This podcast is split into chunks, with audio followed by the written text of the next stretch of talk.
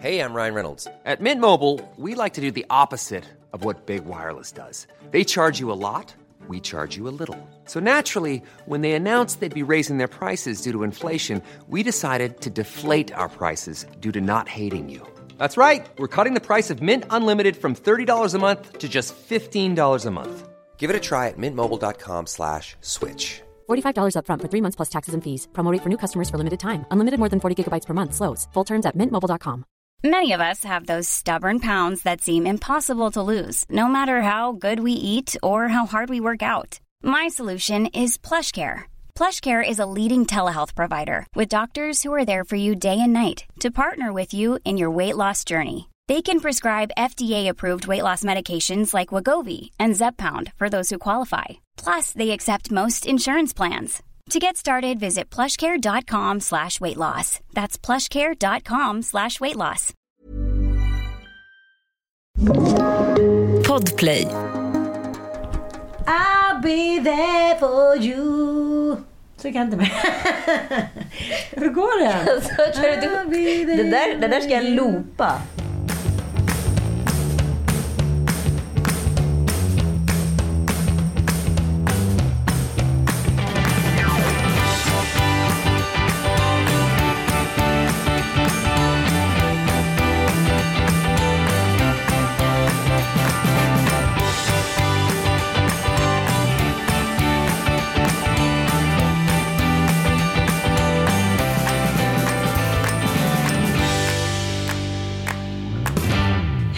Hej och välkomna till Lille Lördag. Vi har fått lite internkritik. Mm. Vi, får, vi får göra en pudel. Ber om ursäkt för att vi blir för interna och lägger till våra röster. Det är tydligen några som reagerar och inte tycker att det är roligt. Då får vi inte göra det någon Nej, det mer. får vi inte göra helt enkelt för att då blir folk så irriterade. Oj, och där stängde hälften av. Oj. Nej, jag bara skojar. Ja, jag bara... ja, men några som verkar få ha mycket röster de vill. Det är vänner. Mm, mm. De, eh, alltså, det, det är ganska intressant nu i och med deras eh, feta reunion. Eh, hur stor inverkan och påverkan de fortfarande har, de här 90-talsikonerna. 100 Spetorna. miljarder streams, sändningar etc. senare kan inte ha fel alltså. Nej, men, men eh, det är ändå intressant det där med vad är hemligheten bakom. För när jag tänker tillbaka på min liksom, 90-tals så här, minnen från TV och tidningar och liksom filmer och så här. Så är det två stycken som, som sitter kvar. Typ inget annat. Eller tre. Eh, filmen G, Vänner och Tillsammans. Mm. Och just det, fucking Åmål. Nej, men det, det, det finns ju liksom på något sätt tatuerat i ens tonårstid att man jämförde sig med de här tjejerna. Och, eh, när, vad heter hon när de fick dansa med Bruce Springsteen, Courtney Cox. Men det var, så- gjorde hon ju innan Jo, jag vet. Men allt det här är sånt som man kommer ihåg. Ja, ja, ja, Så här, absolut. och vi måste ju ändå göra en analys säger, varför. Populärkultur milstolpar. Ja, för att det är så här, när man tittar på de här tre snubbarna och tre tjejerna idag så är de ju, de är inte ett under av djup. Nej. Det är väldigt liksom klyschigt allting. Och det var någon som skrev om det där, de, de råkade ta på varandra i serien, killarna. Chandler och Joey. Då, då blev det så här, ah, don't touch me. Det anklagas mycket för homofobi, vilket serien faktiskt genomsyrades av också. Ja, de hade ju Günther. Ja, de hade Günther. Ja, jo det är sant. Eh, Ja, men så såg ju också 90-talet ut. Jag tycker att det är lite svårt att bedöma saker och ting i ett, liksom ett eh, ja, efterkonstruktivt syfte. För att där blir man, vi ser hur mycket fel som helst i samtiden. Men vi var ju inte där då. Liksom. Det är väl bara att... Ja, Se det för vad det är. Men det samtidigt det så är. kan du ju inte riktigt säga så. För eftersom det påverkar så jävla många ungdomar idag också. Menar du att de ungdomarna idag kan se det med så här 90-talsfiltret och skrittskratta åt det? då? Absolut, med tanke på hur tekniken ser ut, hur de är klädda, hur scenografin ser ut och så vidare. Så vet man att man kollar på en gammal serie. Man står ju inte och tänker så här. Aha, det här hände 2021. Eller?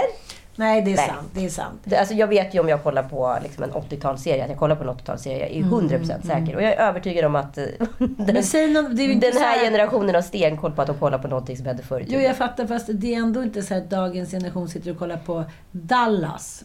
Så Eh. det finns ju någonting i det här som ändå är men beständigt så här, kasta tillbaka bollen 200 år i tiden, 200 år fram och nu. Och det är det här med vänskap. Det är liksom, det är den de har nailat så jävla snyggt. Att så här, familjen, whatever typ. Eh, karriären, whatever. Det som ändå är viktigast är ens vänskap till sina bästa vänner. Ja, absolut. Men det som jag tyckte var så intressant i dokumentären om vänner, eller vad man nu ska kalla det för. Dokumentären. Ja men reunion. Det var ju ingen, alltså det var ju en Nej. reunion men det var ju också en dokumentär slash grej. De intervjuade liksom Ah, ja, okej, ja, jag fattar. manusförfattarna och det där. eh, Och alla liksom runt omkring, allt från studiepersonal och så vidare. Mm. Men det som manusförfattarna, i och med att jag själv är intresserad av sånt här, det jag verkligen så tog fasta på. Det är att de här karaktärerna var så otroligt bra utmejslade i sina olika personlighetsdrag. Så att de kunde egentligen leverera ganska platta manus. För när skådespelarna då nailade sina karaktärer så bra, då blev liksom scener så pass skruvade som man kunde förvänta sig. Pivot! Pivot! Pivot! Pivot! Pivot! Shut up! Shut up! Shut up!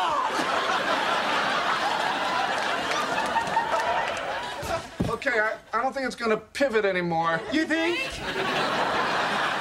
Så manusen var ganska strikta och platta. Eh, Men vännerna gjorde dem så otroligt fantastiska. Och det kan man inte ta ifrån dem, att de var väldigt, Nej, nej. väldigt duktiga skådisar i de här rollerna. Sen är det många som har haft svårt, och det var väl lite det som varför Solsidan lades ner liksom under en period för att man var så rädd att fastna i att bli Mickan och bli Fredde och bli liksom... Mhm. Eh, att man inte får andra roller. Så att ja, Vänner lades väl ner i syfte utav att de skulle kunna ta andra roller. Sen var det jättemånga som aldrig kom vidare. Ja, det, var, det är väl egentligen bara Jennifer. Nej men eh, Jennifer, sen hade ju Joey en egen betitlad Just, serie som just, faktiskt hette. Joey som var liksom en spin-off på sin egen karaktär. Sen var han med i en av mina absolut bästa komediserier som heter Episodes. Som handlar om ett brittiskt eh, manusförfattarpar som flyttar till Los Angeles efter att de har haft en Bafta-succé med en eh, universitetsserie. Som sen rewritas i Hollywood och skrivs om och blir ett, ett eh, ishockeygymnasium som Joey då är föreståndare för. Ja. Så de Aha, så här okej, fuckar okej, upp okej. deras så här fina, nobla liksom, brittiska manus totalt men måste liksom ödmjuka sig och anpassa sig till Hollywood. Det är faktiskt en utav, om ni inte har sett Episodes, det är faktiskt en av de mest geniala serier jag sett om man gillar liksom branschkomedier, typ som eh, eh, Call My Agent och så vidare. Ja, spännande. Eh, Det har också varit mycket kommentarer. De- flesta Och Courtney kommentarer. Cox hade ju Cougar Town, ska vi också tillägga. Just det, just det, just det. Ja. Den, den, den, Den var ju lite före sin tid. Ja, det är sant.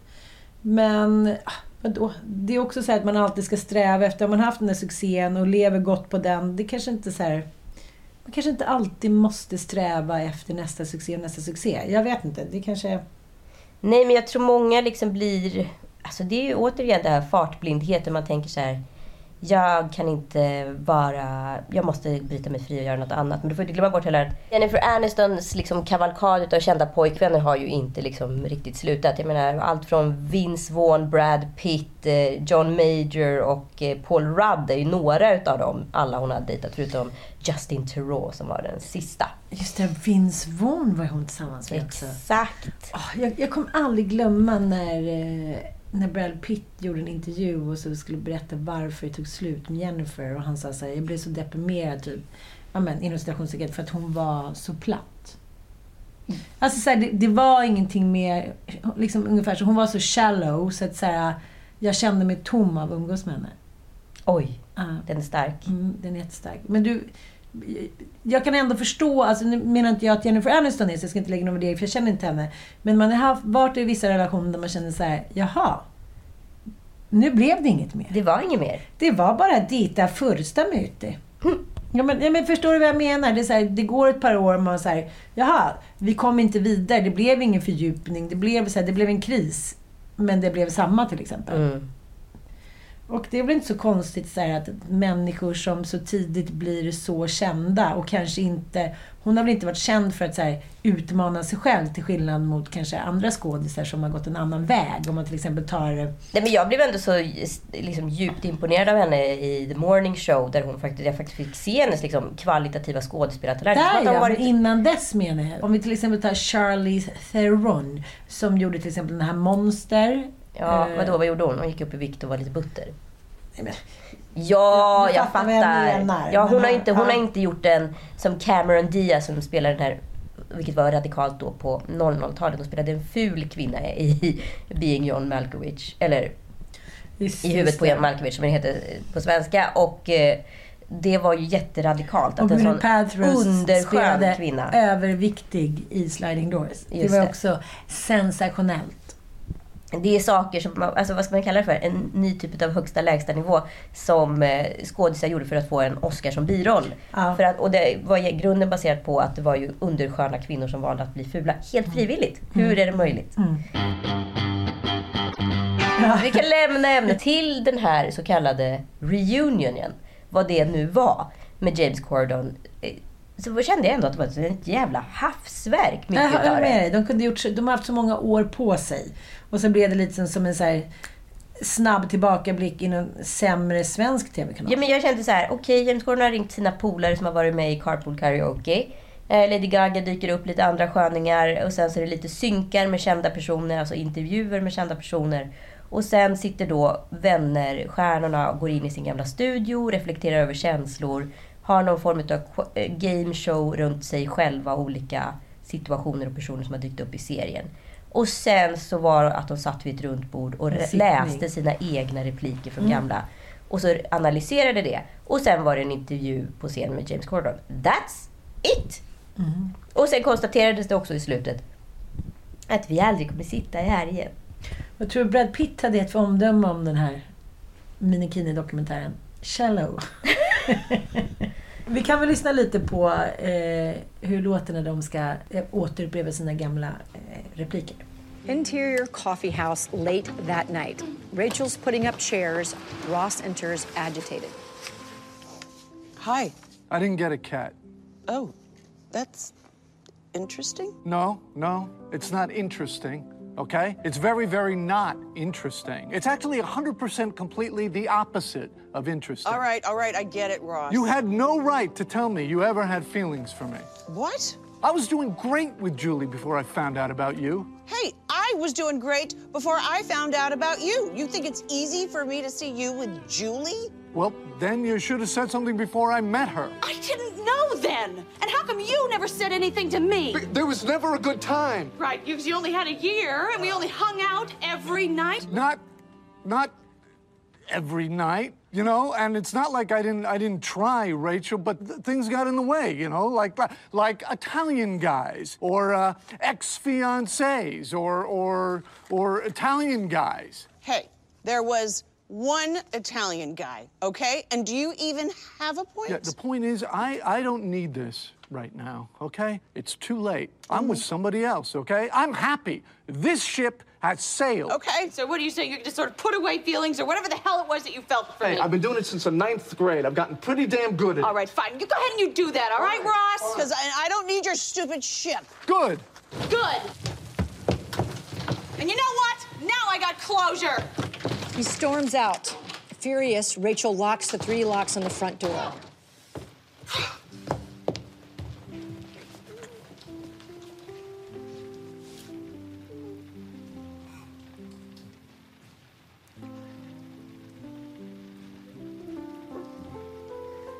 Then she stops, leans on a table, and drops her head.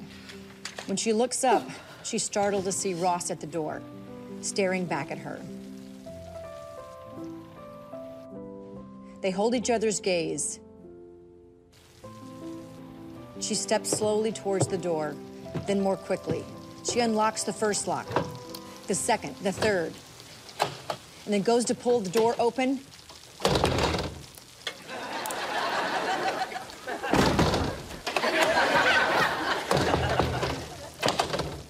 Try, the bottom one.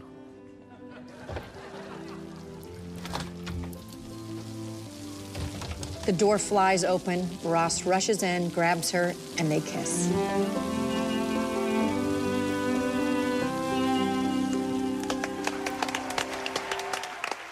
Ja, det var ju roliga moment, men det är fortfarande så här, jag känner inte att det så sprakar till någon gång. Men i inledningen, vi måste lyssna på det också, när eh, han frågar då så här, ja men gud, hörs ni då? Och, så där. och då svarar Lisa Kudrow, vi hörs hela tiden. Det blir lite staccato för att egentligen kanske de inte hörs. Och då säger hon så här, men alltid så svarar man om någon ringer. Var på Matthew Perry säger I don't hear from anyone. Nej, och liksom, han försöker inte ens eh, skratta eller någonting. Det, det är ingen som har ringt honom. Man förstår att det är så. Ja, det här tyckte jag var lite så här, åh nej, vad jobbigt. Men, men det har också blivit, nästan allt eftermäle om det här har ju blivit så här, ja, men, rubriker som så här, botox har ingen humor, det enda man tänker på är hur de sitter där superopererade och liksom... Eh, Men vad är det som botox eller liksom fillers triggar igång i en? Det är ju liksom... För oftast när man så här ser, vad ska jag kalla det för, åldrande skådisar så blir shit vad gammal den har blivit, eller fan vad fet! Alltså att man liksom... Det är också fel. Det är också fel. Men det är fel tankar, men vi kan ju inte så här Nej, nej, jag. Men gud, förakta vad man så här nej, känner nej, jag och håller tänker. med dig. Nej, men jag menar ju att det är som en gud... Typ såhär stackars henne som har blivit så gammal. Och vad snabbt det gick, brukar man ju säga. Ja, vad vad snabbt, snabbt det gick. Ja, det är ju liksom, det är för fan kaffekaskskalle med Kikki Danielsson. Nej men det är såklart inga nobla tankar och känslor som så här bubblar upp i en när man ser en person som man har en väldigt tydlig relation med förändras eh, radikalt eftersom man inte har sett den på ett par år. Eh, men det är liksom det spontana och instinktiva. Men det som fillers och botox gör, det är väl snarare att man, man blir så rädd att den personen som var så i grunden vacker eller rolig har liksom tagit bort det roliga eller vackra och, och liksom blivit något annat. Och varför man då självvalt valt att föres, ja, för, förvanska sig på det sättet. För syftet med de här produkterna är ju att man ska bibehålla. Men när man helt plötsligt ser ut som någon annan, då är det ingenting kvar. Nej, men jag tänker så här, när man, jag tror att det som drabbar en också som är lite nostalgiskt, det blir så här, men vad levande och fin hen var och vad olevande och konstigt det ser ut nu. Sen är det såklart med allting, en liten bit in i liksom så kallade dokumentären så slutar man ju tänka lite på när deras personlighet kommer fram. Men- Men det stör ju typ ja, men, ganska länge. Så, men gud, vad har han gjort för brygga? Men gud, vad har hänt med kinderna? Att det är så här, jag, jag tror att det handlar väldigt mycket om det här att det är ju just utseendeförbannelsen. Att när man gör någonting själv så ser man det ju varje dag. Du vet ju själv hur snabbt man vänjer sig vid någonting. Eh, men när man inte har sett några som man har så mycket personliga vad ska man säga, issues med. Så blir det så nej de ska alltid vara så. Det är ungefär som man träffar en gammal kille liksom, på stan. Man bara, men vadå, han måne? Han var så här hårmåne och grått skägg. Man säger, jag vill att Perre alltid ska vara lill-Perre 17 år. Han måste få vara det. Men det för, han fyller inget syfte för mig idag egentligen. Mer än minnenas syfte. Precis. Jag vet det här. Ehm, men sen hänger det också ihop med sociala medier tänker jag på i och med att sociala medier är så visuella medier. Som så här, många personer kan ju se väldigt, väldigt bra ut på bild. Det här är ju stillbildsutseende, Det ska man vara väldigt tydlig med eh, Med de här produkterna. Men sen när de sätter igång och prata och symmetrin i ansiktet inte hänger ihop eller muskelrörelser. gummimasker. Det blir gummimasker. Du vet sådana där som de använder i snowroller. När man sätter på liksom halva ansiktet som blir liksom kindpuffar. Ja, ja, ja. Ja. Grisar och sånt där. Ja. Ja, och då blir det så konstigt. Och jag stör mig själv på att, det, att jag lägger så mycket vikt vid det. Men det verkar Men- som alla har gjort det. Ja. Du behöver inte känna dig utpekad, eller vad ska säga. Nej, men jag blir liksom så ledsen för dem på något skull. Mm, Alltså så här, fan. Men vet du, nu är ju här, de är liksom några av världens mest berömda människor, så är det ju. Men jag tänker i den lilla världen, jag tänkte på det när jag var på eh, 50-årsfest i lördags. Mm. Så blir det väldigt tydligt att så här, jag vet inte, det här är bara en liten liksom, det här är bara en liten så här, tanke eller tes jag har. Att när kvinnor, eh, liksom, vad ska man säga, för 30 år sedan, då fick man ju på något sätt organiskt följa sin ålder. Sen var allt så här, åh hon är så väl bevarad för sin ålder och folk har alltid försökt liksom keep the beauty. Men det var ingen som tittade på en 50-årig kvinna med dömande blick om hen var gråhår eller hade rynkor, lite liksom stjärtamentshäng. Idag blir det så här, när man sitter på en fest så blir det så här, vissa är fixade, vissa har genetiskt försprång, bla bla bla. Att vi får liksom fortsätta in i jävla rollatordöden. Att vara eh, liksom under lupp, att eh, ha tvånget på oss, att vara snygga och evigt unga. Det har blivit liksom en jävla tvärtom-effekt. Vi, så här, vi tillbringar vårt skönhetsliv baklänges på något Mm, sätt. absolut. Så jag tänkte också på någonting som verkligen... Så här, Domen fortsätter Ja. att vara lika hård upp i 50-årsåldern. Hur, hur kunde det bli så här? Nej men det är ju för, alltså för att Jennifer Lopez även med 50 år ser ut som hon gör. Och vi fattar ju att hon får hjälp på traven. Men Jo. ändå så tänker vi... Att hon ser typ ut så. Ja, så Det kravställer är vi det som ändå vår- är mindfucket. Att när vi ser Jennifer är så Aniston dumma i huvudet. så känner vi så här, nej hon ser inte ut så. Vi ser att hon har gjort massa grejer. Okej, ja. Det kanske inte ser jättebra ut, men ja, det är så som det är Hollywoods krav hit. Man hittar en tröst i det. Men när man ser någon som Jennifer Lopez, då blir det så här, vad fan är trösten? Det finns ingen tröst. För att så här, dels fattar man att hon har bra gener, men dels har hon ju också någon super fucking mega hero fixar. Hon är först med det senaste. Hon gör det liksom på ett osynligt sätt, så att det blir ändå så här. Jag tänker ändå när jag tittar på henne att hon är 35. Mm, absolut. Jag blir inte irriterad på hennes fix. Sen så var det någonting som slog mig under den här... eh, Se, alltså, ja, de visade då gamla klipp ifrån vänner, ni som inte har sett det, och så mixade de upp det med nya. Och då tänker jag också på mitt eget så här, 90-tal. Och då tyckte ju vi att både Jennifer Aniston och Courtney Cox var normalsmala. Ja. De var ju snittsmala. Ja. Det här är två riktigt anorektiska tjejer, ser jag idag. Alltså de är Du ju har andra liksom... glasögon. Ja, de, har liksom, de är i underkant i kroppsnivå. Liksom. Eh, alltså det är, inget, det är ingen liksom, tyngre skala utav BMI där.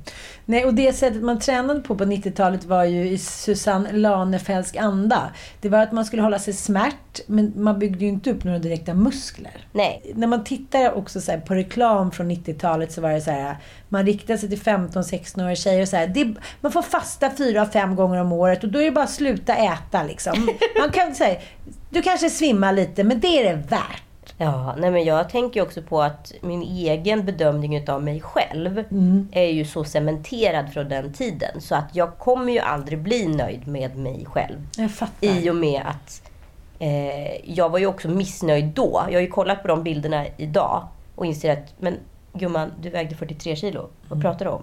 Eh, och tycker liksom att jag var, nej, jag var inte, det var alltid 3 kilo fel. Alltid 3 kilo fel. Och liksom idag väger jag ju 10 kilo mer och, och lite till liksom. Och är ändå kroniskt missnöjd. Kommer aldrig bli nöjd. Så jag blir så, berättade inte jag för dig när jag jobbade i TV-branschen så hängde jag ju väldigt mycket med två tjejer. Och så berättade de så här, när man satt och förvärmde. Så här, Kom du ihåg när vi tog de där pillerna? Jag svimmade i badkaret för att inte jag hade ätit. Och Pernilla Wahlgren skrev så här, i tidningsartiklar så här, jag hade inte ätit på flera dagar för jag skulle in på scenen så jag svimmade. Jag var så här, Ja, vilka dumma tjejer att de inte åt. och det kan man ju tro är efterkonstruerat. Men Nej men gud, jag kommer ihåg att vi så här, köpte några blåa piller från Spanien som man fick rännskita av så fort man åt någonting som var fett. Så då gick det ut på att vi inte fick äta någonting som var fett för då fick vi rännskita för då det var okej. Det var i och för sig bra. Men sen så... Och det skulle bara brände utav bara Men, helvete. men jag tänker så att vi har pratat om innan också, att så här, allting handlar ju om en situationell ångest. Ja! Så att jag tänkte så här, för när jag började tänka på vikten var ju när min mamma gick bort. Jo, men, men då var det ju liksom en panik för dig för det här har ju liksom varit ständigt pågående för mig. För vissa... eh, Men det blir ju en konstig... det skratt jag tänker på räddskyddstabletter. Nej men vadå? Ni skulle köpa Nej men vi köpte då, var min, eh, en po- gammal pojkvän som var nere i Spanien och gjorde så här en tv-produktion. Och när han kom hem, kom han hem med rännskittabletterna. Det här var det shit för, i dubbel bemärkelse, för vikten. Och då, då fick man äta de där och den ökade ju förbränningen. Man kände ju att man fick svettattacker direkt. Var Liksom. just, det måste varit en amfetamin i dem. Ja, absolut. Och man var ju jävligt på gången måste jag ju säga. Och man var ute och sprang och man gick och man var så jävla sent uppe på kvällarna också. Och sen så då stoppade du i dig någonting utav misstag som hade någon typ av fett eller socker i sig. Då bara uh, så det i magen. Jaha. Och då var du tvungen att springa på toa och då sket du ju ut det. Ja, men då är det amfetamintabletter. Garanterad. Du tror bara pumpa i sig en aftertablett. jag tror jag käkade liksom hur, många kartor som helst står det där. Och så bara tyckte jag så här, ja det blir bra. jag har liksom varit Men missbrukare utan att Just veta om den här grejen tycker jag kanske inte var jättebra exempel. Men jag kan tänk, tycka lite ibland att så här, mina tonåringar saknar lite de här galna grejerna man gjorde som man läste i typ tidningen ja. Råttan i pizzan och så blev det galenskap. Nej, och sen det är inte så för det beror på det. Elon, alltså nu har man ju svar på tal som en jävla- Alltså Evidensgenerationen. grejen är att vi föraktar Prussiluskan, men vi har alla blivit Prussiluskan. Med evidens och vi vet vad som är bäst och hitan och ditan och fram och tillbaka. Samtidigt är vi som mest olyckliga i informationssamhället. Ja, men jag tycker bara att det är lustigt. Jag tänker sen när vi höll på och rökte bananer. torkade Okej ungdomar, alltså. lyssna nu. Då Ja. tar man alltså de här fiber, fibertrådarna som är på insidan utav bananskalen, så lägger man dem i solen eller i ugnen så att de torkar. Sen smular man ner det där. Solen, tror att vi bor i Kenya eller? Men då jag gjorde det, jag var ofta på sommaren så la jag på liksom okej, utomhus okej. på balkongen. Det gick Då kan ni också steka ägg när ni håller på på en platta. Sen klipper man ner den där Nej, men och mixar upp med ugnen. tobak. Och sen så gör man en egen liten cigarett eller så gör man ingen tobak. Och då röker man det. Och så kan man känna att man kanske blir lite hög. Vi gjorde även med vallmofrön. Och hoppades, vass. Och, vass. Och hoppades på... Vass! Make no sense.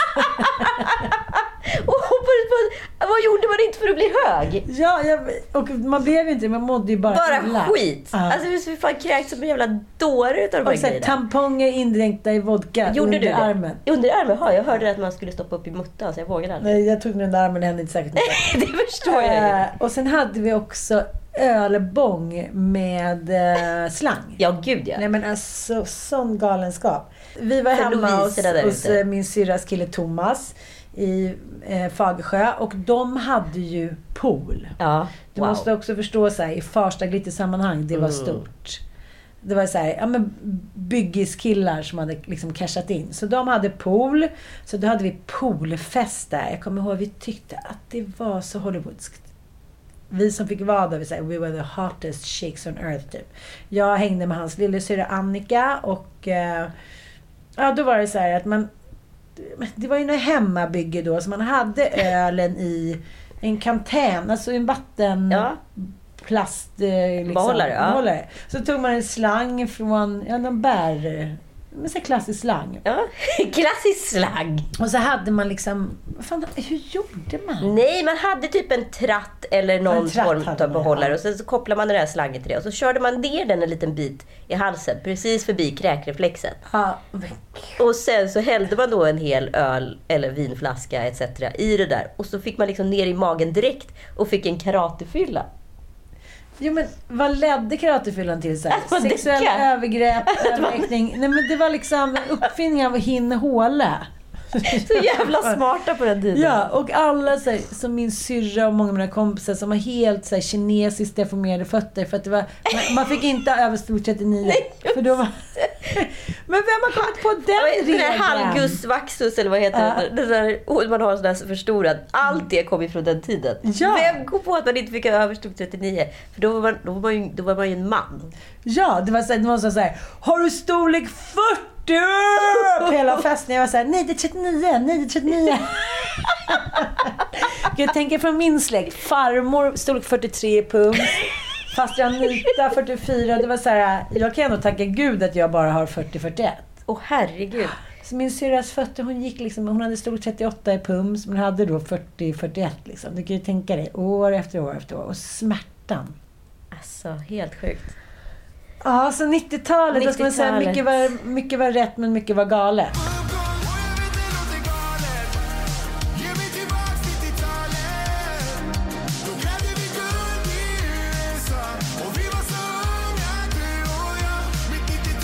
Jag läser ju den här eh, Kent-boken utav Linus Kulin, Ett tidsfördriv att dö för. Eh, och det är ju väldigt roligt för man går ju igenom sitt 90-tal och liksom, ja, Kent har ju verkligen som sagt skrivit soundtracket till ens eget uppväxt. Det är ju det som är så sjukt. Du är inte särskilt unik där. Nej, absolut inte. Utan det är väl en, eh, en gemensamt delad känsla utav ungefär två miljoner svenskar skulle jag säga. Med slaviska fans. Eh, och eh, det som är roligt, som blev en så väldigt kul sidoeffekt av att läsa boken, det är ju att man går igenom sitt liv som en memory lane och det ploppar upp massa minnen. Gud, kopplat till allt från låtar till situationer och platser som jag totalt glömt bort. Vilket är, alltså jag får ju, det bullrar ju i mig. Jag får ju så skrattattacker då och då, för jag kommer ju själv ihåg mig själv till massa Kent-låtar, situationer, platser etc. Det är minnenas kavalkad, så jag rekommenderar alla som är födda liksom, i samma ålderskategori som mig och Ann att läsa den här.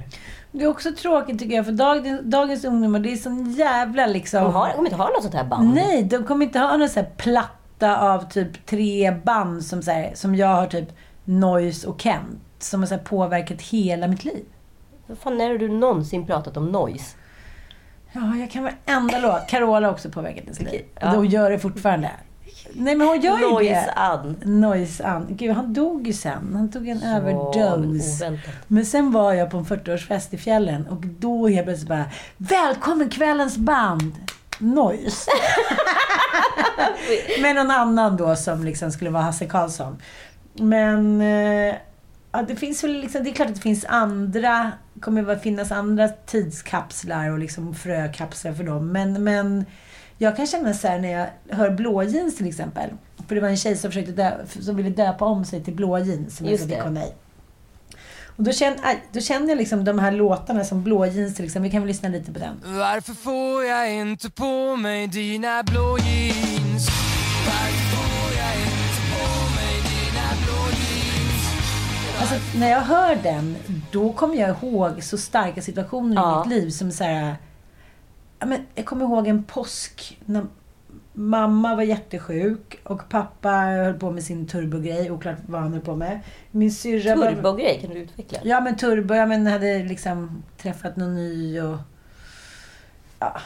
Krö, krökarnas glada afton, det var ju liksom riktigt jävla dysfunktionellt allting. Och min syrra var någon annanstans och min bästa kompis hade flyttat till, eh, till Göteborg med sin kille.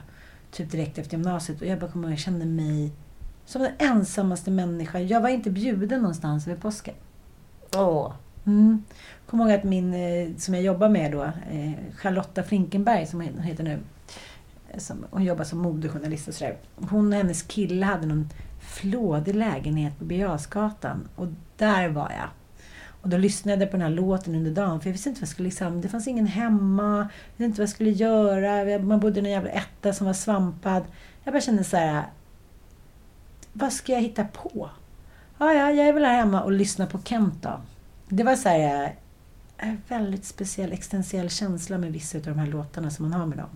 Mm. Och det är många av oss som har det. Jag tycker så här, helt otroligt hur mycket de har påverkat. Liksom, Ja. Jag kände bara så här, Håkan Hellström, visst, men släng det i väggen. Var, han kom liksom tio år för Ja, sent. exakt. Det var ju så här, det var redan förbi för oss då. Vi hade liksom redan skapat den relationen. Jag kommer verkligen ihåg att Kent har liksom alltid varit mitt så här go-to eller escape-band. Så fort det var liksom krångligt hemma med föräldrarna eller liksom var det strul med någon kille. Etc. Det är alltid Kent som är liksom min scapegoat. Liksom. Och min kompis Jenny, hennes lilla syrra var ju på omslaget Hagnesta Hill. Ja, just det. Ja, och du vet, man tyckte det var så stort. Och det är sådana grejer som också var stort då. Förstår du? Att man fick vara statist eller att man fick vara med i en video. Så här. Jag blev ju mobbad typ och utfryst i så här, en vecka. När jag själv hade spelat in lite filmer med en sån här liten kamera med några killar i skolan när jag bodde i Jönköping. För det var liksom, då hade jag satt mig över Guds vilja. Så här, man skulle hålla sig på sin plats, man var yngre. Det, det, därför skulle det aldrig funkat för mig att bo i en småstad så att säga. Nej men alltså du förstår ju inte. Jag hittar alltså, när jag tömmer min sommarstuga, jag hittar alla, hela min ungdom är nerpackad i två kartonger. Varav det alltså är tidningsartiklar i tre pärmar med alla urklipp från, av all publicitet som har stått om Kent. Men Nej. på hela 90-talet. Nej. Alltså det, alltså det är en sinnessjuk kvinna som har liksom, så att allt som står i den här boken, den har jag alltså skrivit den här boken baserat på intervjuer eh, och situationer som Kent har varit med om. Alltså det finns inga riktiga nya intervjuer med dem. Utan allting är Nej. liksom tidsdokument. Eh, det är saker som jag har i mina lådor.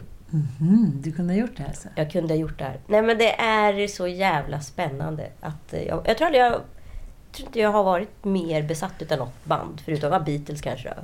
Men det är inte samma relation ändå, för den var alldeles för ung på något sätt. Men jag tänker lite att så här, jag ska försöka återerövra det där. Det var allt så här, om man skulle liksom, hade man sex till en viss låt, Ah, man ja, ja. förfest till en viss låt, man drack bla bla bla. Allting var så rituellt. Mm. Och därför har det skapat ett, så här, en minnessymbolik.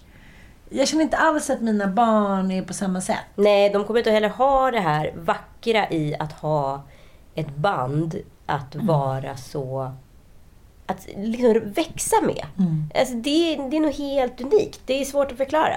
Ja, jag jag hoppas att de kan stifta bekantskap med Kent. Postum Kent. Ja, ja. Eh, så att de får ett band. Åh gud, jag ska, det ska jag spela för mina barn i sommar. Eller hur? Ja. Och gå igenom från liksom första skivan Kent till Kräm och så vidare. Ja, du och jag, Döden, Tillbaka till samtiden. Alla, Isola, alla de här fantastiska, fantastiska skivorna. För att inte förringa sista skivan som kom då strax eh, innan avskedsturnén. Jag är ju så glad att jag ändå fått sett Jocke Berg live. Eh, och faktiskt haft honom till bordet. Äsch! eh, men liksom, om jag kommer få se dem som eh, band igen, hoppas jag ju verkligen på. Men det jag tror faktiskt... Hopp, nu, går vi tillbaka här för att knyta ihop säcken. Hoppas du verkligen det? Ja. Eller är det bara en dröm? Nej, jag hoppas att det blir en reunion som vänner. Men att det är en konsert. Och inte, Långt ifrån. Ja, och inte ett sitta och snacka i en TV-studio. Nej, det är det jag menar. Det måste liksom, myten och chimären måste få vara kvar. Det kan inte vara liksom in your face, massa intervjuer. Jag vill inte veta varför han skrev den låten. Jag vill, jag vill inte ha en analys. Jag vill bara ha mina egna tonårsanalyser. Ja, plus att så här, det jag tyckte som var liksom Kents storhetsera, det var ju liksom inte de här stora arenorna. För jag tycker inte riktigt att de mästrar det som band, om jag ska vara ärlig. Utan jag tycker ju att så här, jag skulle vilja se en cirkuskonsert med Kent. liksom. Så perfekt medium stor arena liksom. För att titta på, tänka lite vidare, så måste jag ändå jämföra min ungdomstid med en dansk. Jaha. Mm. För att lika jävla hårt som det var i det här att liksom ingen ifrågasatte värderingar, normer, ideal. Så man bara, okej, jag är tjock för jag ser inte ut som så här, eh, vet, Monica i Friends. Eller så här, jag är typ en slampa för att jag låg med en kille. Allt de befästa sanningarna som killar hade bestämt. Om du förstår vad jag menar. Lika fritt var det ju också för att ingen riktigt hade koll på en. Förutom kompisarna. Föräldrarna var såhär, ah, okej vad håller ni på med där borta? Så, ah, men det är bra. Jag bara, jag drar till USA nu. Jag drar ut och tågluffar. Så, ah, här får du ett sånt här kort. Du kan väl ringa? Ha det bra typ. Ha det bra älskling. Sen förstår jag ju så, det vet jag att mina föräldrar, eller inte pappa kanske, men mamma var orolig att det fanns det. Men det fick man fan tygla i liksom egenskapen och kostymen av att man var en vuxen människa som skulle låta sina barn flyga. Du vet, nu kan jag sitta på middag och liknande och höra hur så här, vuxna kvinnor och män pratar om sina barn som ägodelar som de på något sätt ska här, hantera och programmera och se till att de ska minsann klara ett hårt liv som vi har gjort. De är bortskämda de där onda. Men, men de är ju bortskämda för de har inte vårt hårda liv. Nej. De är liksom curlade till förbannelse. De vill inte flytta hemifrån. De vill inte dra till Asien för det verkar jobbigt att ligga liksom bredvid en kackerlacka när man kan få vara på lyxhotell med mamma och pappa. Vi kan liksom inte jämföra Men de här det- generationerna. Det är jätteintressant. Joels mamma gjorde en matris över hur eh, vår, eller kanske till och med en tidigare tid än oss, såg ut jämfört med nu. Och då börjar man egentligen flytta hemifrån då vid 20 års ålder. Jobba i... Mellan 16 och 20 om man inte Ja. gick gymnasiet. och jobba då i 45 år för att sen gå i pension vid 65. Eh, och sen så ungefär coola vippen runt 85. Och då skulle pensionen räcka i 20 år då. Eh, idag flyttar vi hemifrån vid 30. Vi jobbar tills vi är 65, helst tidigare. Och sen lever vi till 95. Så vi ska alltså jobba kortare tid. Men då på något sätt då tjäna mer för att sen leva 10 år längre. Så att vi, det vi alltså förkortat, eller vi har förlängt pensionssträckan med 10 år. Och vi har också förkortat yrkessträckan med eh, 10 år. Och så klagar vi på att det finns inga pengar kvar till oss. Nej, men vad ska hända med den här generationen? Är det ingen som har tänkt på det här? Tydligen inte. Nej, men det är så. Mm. Du skulle komma till Danmark. Ja, till Danmark. Ja, vad händer i Danmark? Nej, men jag tycker att det här är så Du festligt. älskar Danmark och jag vill också ha en Ann Söder som pratar lite danska. Nej, jag får ju, jag får ju bli, vi får ju inte prata internt längre. Nej, men danska måste du få prata. Det säger jag okej till. Du Daily, jag har lärt mig över sundet, det är sex på swingersklubb, senast radio. Okej, översätt nu till alla som inte förstod mig. Nej, vi ska börja med att, att lyssna på den danska reporten på typ ja, men Radio 4. Det är väl som, ja, det är väl som vår P4. Lite så här mys och pyskanal. Hon har... Eh, ja, hon fick ett uppdrag. Hon skulle ge sig iväg på en dansk swingersklubb. Och för att ni ska förstå hur jävla roligt det här är så måste vi gå tillbaka till eh, den här danska swingersken. Det här, var ju, det här har varit en stor fråga för tingsen, tingsrätten typ i Danmark. Och redan ja, under coronans olika skepnader så har i alla fall swingersklubbarna fått ha öppet. Och det här har ju varit lite frågasättande för vissa politiker som har varit så här. Man får alltså vara 175 personer på swingersklubb, pippa med varandra utan ansiktsmask. Man får inte sitta på krogen. Eller på en eh, fotbollsläktare. Precis. Att, och det här vill ju då de danska politikerna säga, men vi kan inte göra någon åtskillnad på don och person. Typ, på liksom, om det är en swingersklubb eller om det är en sportklubb. Nej. Det är danskarna i ett nötskal. Jag älskar dem för det. Men det hon då fick då eh, var ett uppdrag att gå nu när swingersklubbarna äntligen är öppet. Ungefär som att det är Förstår du? Så här, som att det är ett det. I Sverige är det så här, okej det kanske finns Om man en, går två. på klubben, går på restaurangen. Jo, men att, att, att det här ens är en... Det är en icke-fråga om två, våra två swingersklubbar i Stockholm får öppet eller inte. Det här har ju varit ett, ett samhälleligt jubelfest nu när swingersklubbarna i, Köpenhamn får öppna igen. Nej, men jag tycker det är helt sensationellt. Det här har liksom varit någonting som har varit... Ja, det har varit en, en, liksom, en klurig fråga för danska politiker. Hur ska vi göra med det här? Men nu äntligen. Och det här ska då såklart uppmärksammas. Denna festiva tillställning nu att danskarna får knulla öppet på klubb igen. Och då eh, ska vi lyssna på Louise Fischer. Hennes repertoar från swingersklubben. Hvor meget eller hvor lidt påklædt skal man være? Det bestemmer man selv. Må man gå helt nøgen Ja. rundt? Okay. Det er der faktisk mange, der gør. Hvor går grænsen? Lingeri. Lingeri. Det skal være frækt. Du må godt have lak og læder og latex og alt sådan noget. Må du godt have på. Jo. Jo, den sidder rigtigt. Hvad, hvad er det, du tager på der? Jamen, det er også sådan en kjoleting. Underkjoleting, ikke? Alt, hvad man kan have på i soveværelset, kan du have på i en svingerklub. Jamen, vil du ikke prøve at hjælpe mig med at øh, klæde mig på? Vad menar med. Nej, det här... Hon tycker alltså inte att hon får, kommer fram med sin intervju på grund utav att hon inte deltar. Nej, men hon, hon tyckte så här. Hon fick uppdraget av sin chef Tina Krägelen. Som är då Ja, nyhetschef. den danska podden! Som är då nyhetschef på P4. Ja. Och ja, för dig hade det kanske varit ett konstigt uppdrag, men tydligen inte för danskarna. Och det kan inte vi lägga in någon värdering i. Ja. Så att då... Eh, men det som jag tycker ändå är roligt att hon har ju då frågat innan reportern om, om det är okej. Hon har ju fått grönt ljus av chefen att, ställ, att göra. Hon har ju inte bara gjort en liksom... Hon fick inte feeling och gjorde något. Nej, utan det här har ju liksom varit hon, är- hon är förberett. utkikad Ja. på uppdrag. Så resultatet är då att man hör reportern Louise Fischer ha sex med andra på swingersklubben. Kan vi lyssna lite på hur det låter? Jeg vil gerne lige fortælle, hvad du ser lige nu. Rolle ligger kvindens liv. Så er der kun knæpper på runddelen. Og efter sigende har hun ikke prøvet det før. Vi hör ju att henne blir bonkad här samtidigt under, i en process. Mm. Liksom. Eh, samtidigt så då gör någon form av reportage om det här. Men jag tycker ändå det är så intressant att så här, det är som att vissa länder har liksom något eget alter ego. Om det här skulle hända i Sverige till exempel så här, Ann Men- Söderlund gick på eh, Ja. swingersklubb och blev påsatt och gjorde reportage om det. Typ, ingen hade blivit förvånad. Ingen hade blivit förvånad. Nej, nej. Ta vår kompis då, hon som jobbar på P4. Eh, Mm. Vadå, Josefin Sundström? Mm. Mm. Ja, det hade varit verkligen. Vi tar det. Ja. Det är också roligt att de har- Tackar Josefin, det var inte att hänga ut dig Nej. där. Men du förstår, vi tar det bara som ett exempel. Vi säger då att eh, Aka, Josefin Sundström, går ut och eh, ska gå till Raymond och Maria på Mariatorget och har då kollat med sina chefer innan och säger, är det okej om jag vi säger att jag skulle få lite feeling och köra Honken Tonken Bonken under intervjun. ja, absolut, säger de. Okej, men då, då gör vi det. Och så kommer eh, Josefin dit och hon intervjuar... Eller har de en danschef? Det vet vi inte. Jag tror att han har börjat en, nej, en kvinnlig danschef. Hon kommer dit och liksom börjar intervjua och så märker hon så här, jag måste bli en, en klassisk wallraff. Jag måste bli en i gänget. Precis. Allt från som, ja men det gjorde ju han. han Ja, det, det är som hela grejen med wallraff. Precis, och det har funnits lite, det var en, en, en man som åkte i 50-tals USA som hade tagit eh, svarttabletter.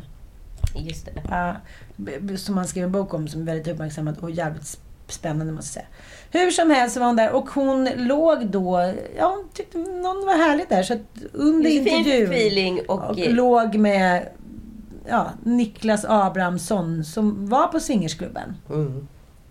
Och det här då har blivit mycket reaktioner, men som hon säger, de flesta är väldigt positiva. De tycker att jag är cool och modig och har stor respekt för mig. Så skulle det kanske inte reaktionen ha varit i Sverige. Men det går inte ens... Nej, vi kan inte ens vara i samma århundrade. Vi får gå tillbaka till... Nej, vi, kan inte, vi får gå tillbaka till 72. Eller, Ja, ja absolut. Ja.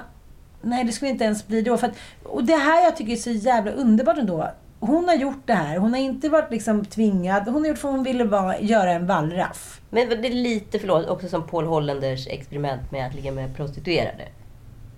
För att här, göra en dokumentär om att ligga med prostituerade för att förstå prostituerades situation. Ja, Men vadå? Det här, de här är väl inte en swingersvenne? Är han utsatt och tvingad Nej, till att nej! Men med- hur kan man omskriva saker och ting till sin fördel, tänker jag? Det här är ju en wallraff. Hon förstår ju inte det själv. Nej, det det kanske man inte gör när man är wallraffad, eller? Eller ska vi bara vara helt, ha, ha mycket mer öppna sinnen? Jag bara så här, är vi såna träbitar där uppe? Enligt då hennes chef så säger hon så här. Den svenska frågan är, finns det en risk att ni kränker reporterns integritet när ni låter henne genomföra det här, även om hon själv är med på det? Hon är en vuxen kvinna och är fullt på det klara med vad hon gör och vilka konsekvenser det kan bli. Det låter ju inte så chefen tycker att det är toppen. Nej, fast hon är ju ändå... Louise har gjort ett genomtänkt beslut på plats, så vi inte överskrider på de pressetiska reglerna. Du har fullt förtroende för och vi stöttar inte 100% i hennes beslut, säger Tine Kragelund. Jag, jag känner att jag måste få in någon sån här riktig überfeminist som ska analysera så här, för jag kan inte riktigt det. Jag är så här, okej hon var där, hon vill innan, om jag får feeling är det okej att jag är med. Hon fick feeling, hon fick ett skott i råttan en onsdagkväll, hon gick därifrån och gjorde ett reportage och kanske fick en orgasm på köpet och det är mer än vad jag har fått den här veckan. Hon lägger ju inte upp någon rökridå som, som det du nu ska berätta om, som är en riktig jävla kvinnlig rökridå. Absolut! Vi pratar om femwash. The Heroes, Heronistas, som är så här, jaha, det här är ju att lura kvinnor tycker jag. Ja. Femwashing är ju alltså ett nytt begrepp som har uppkommit baserat på att många e-handelsbolag idag eh, använder kvinnor och feministisk kamp eh, som någon form av marknadsverktyg för att bli miljardbolag. Idag eh, är det alltså oftast män som står bakom de här bolagen och det tänker man inte på för att marknadsföringen är så smart. Vissa säljer träningstights med rumpor och, och med budskap som att eh, insidan räknas, eh, skriver Johanna Ekström om som är reporter på Breakit. Andra säljer demokratiska rakhyvlar med feministiska budskap. Eh, och Franserum liksom lyfter vikten av fuck off-kapital. Eh, men alla de här bolagen är det startup-killar som cashar in på. Och de här bolagen omsätter alltså 60 miljarder. Och 3% utav de här bolagen finns det alltså, har alltså ett kvinnligt delägarskap.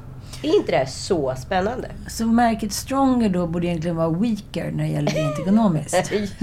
Weaker när det kommer till män. Nej men jag bara så här, jag, jag, liksom, jag, känner mig lika kluven i det här som det danska. Liksom. Jag tycker ju att det finns något jävligt farligt i att så här, sälja feminism som liksom, marknadsföring. Men så ser ju också samhället ut. Det är Mm, den mm. typen av feminism som syns i sociala medier. Den som är visuell men inte är praktiserande. Mm, mm, jag fattar. Eh, så att så här, de gör ju inga fel. De använder ju bara tidens tand och lyckas med det. Jo, men jag, det, det är ändå, jag får ändå så här, en fadd smak i munnen. Jag tar till exempel det där träningsmärket Stronger som är så här, så, har, gått, så, har blivit väldigt stora och starka snabbt. De använder sig av kvinnliga, jävligt bra, eh, starka, snygga influenser med bra värderingar. Och så är det liksom snubbar som står bakom. Det är så kapitalismen ser ut fortfarande. Och det ska Så det har inte hänt någonting? Det är samma Det strukturer? är det jag menar. Så det är så här, men, det är ingen känner- skillnad på Jane Helen nej, och det här? Nej, det är det jag menar. Så här, Hej 90-talet, allt är förlåtet. Så här, vad fan är skillnaden? Ja, det är ingen skillnad alls. Vi har alltså inte kommit en Nej. centimeter och det är det som också bevisas i de här mätningarna efter metoo. Det har inte hänt någonting Nej. egentligen. Det har bara hänt saker i sociala medier, i diskussionsforum. Mm. Men rent konkret och praktiskt har det inte hänt någonting. Nej. Däremot så kan jag inte säga att finns det något så här marknadsekonomiskt fel med att göra marknadsföring på det här sättet? Nej, per se. Är det etiskt försvarbart? Absolut inte. Nej, jag tycker inte heller det. Men, men det är så här, jaha, vad ska man säga? Ni får inte satsa på kvinnoklädor. Eller vad då? Det är ungefär som Det är en att... fri marknad. Det är därför vi har en fri marknadsekonomi.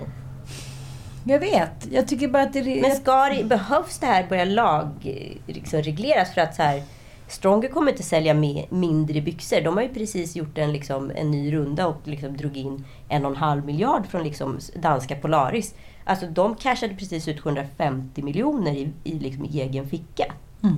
Det, det, är så här, det, det får man väl göra. Alltså så här ser ju liksom den typen av eh, bolag ut. Som Jo, fast du måste, det som är är att de använder ju smarta kvinnor som sätter den här marknadsföringen. Det är väl där jag känner så här, hoppas de tjejerna har fått en kaka. De får ju kakan betald. Alltså så här, idag är ju, om vi tar, tar skillnad från... När H&M gjorde en kampanj med, med Cindy Crawford eller eh, Anna Nicole Smith på liksom 90-talet. Då sålde man ju på kvinnor och objektifierade kvinnan, men det var per se män, Stefan Persson och söner som tjänade pengar eh, i slutändan. Eh, men vad gör det bättre eller sämre jämfört med att man använder en tjej då som då en influencer som per se håller sin telefon i sin egen hand och filmar sig själv och tjänar en massa pengar som Cindy Crawford och Anna Nicole gjorde för att sälja klä- kläder, precis som Anna Nicole och Cindy Crawford gjorde på 90-talet, till andra tjejer.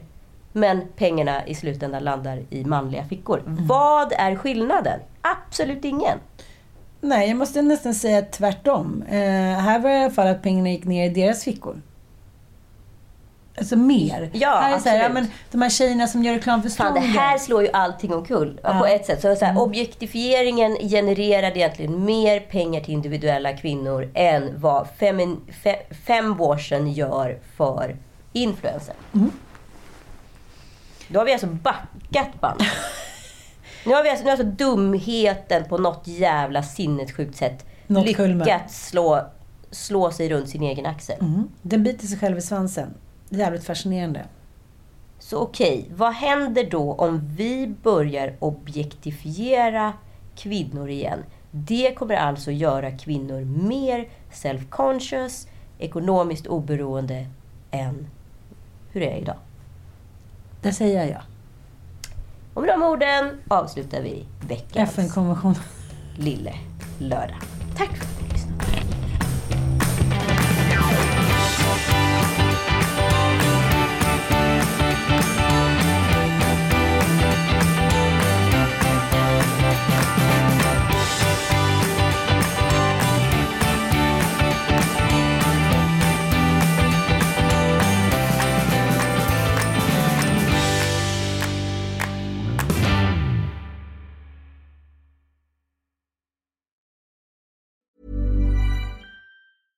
Hey, it's Paige DeSorbo from Giggly Squad. High quality fashion without the price tag. Say hello to Quince.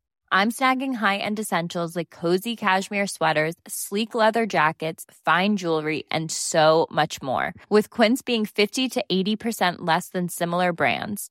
And they partner with factories that prioritize safe, ethical, and responsible manufacturing. I love that. Luxury quality within reach. Go to quince.com slash style to get free shipping and 365 day returns on your next order. Quince.com slash style. Imagine the softest sheets you've ever felt. Now imagine them getting even softer over time. That's what you'll feel with Bowl and Branch's organic cotton sheets. In a recent customer survey, 96% replied that Bowl and Branch sheets get softer with every wash. Start getting your best night's sleep in these sheets that get softer and softer for years to come. Try their sheets with a 30-night guarantee. Plus, get 15% off your first order at bowlandbranch.com. Code BUTTERY. Exclusions apply. See site for details.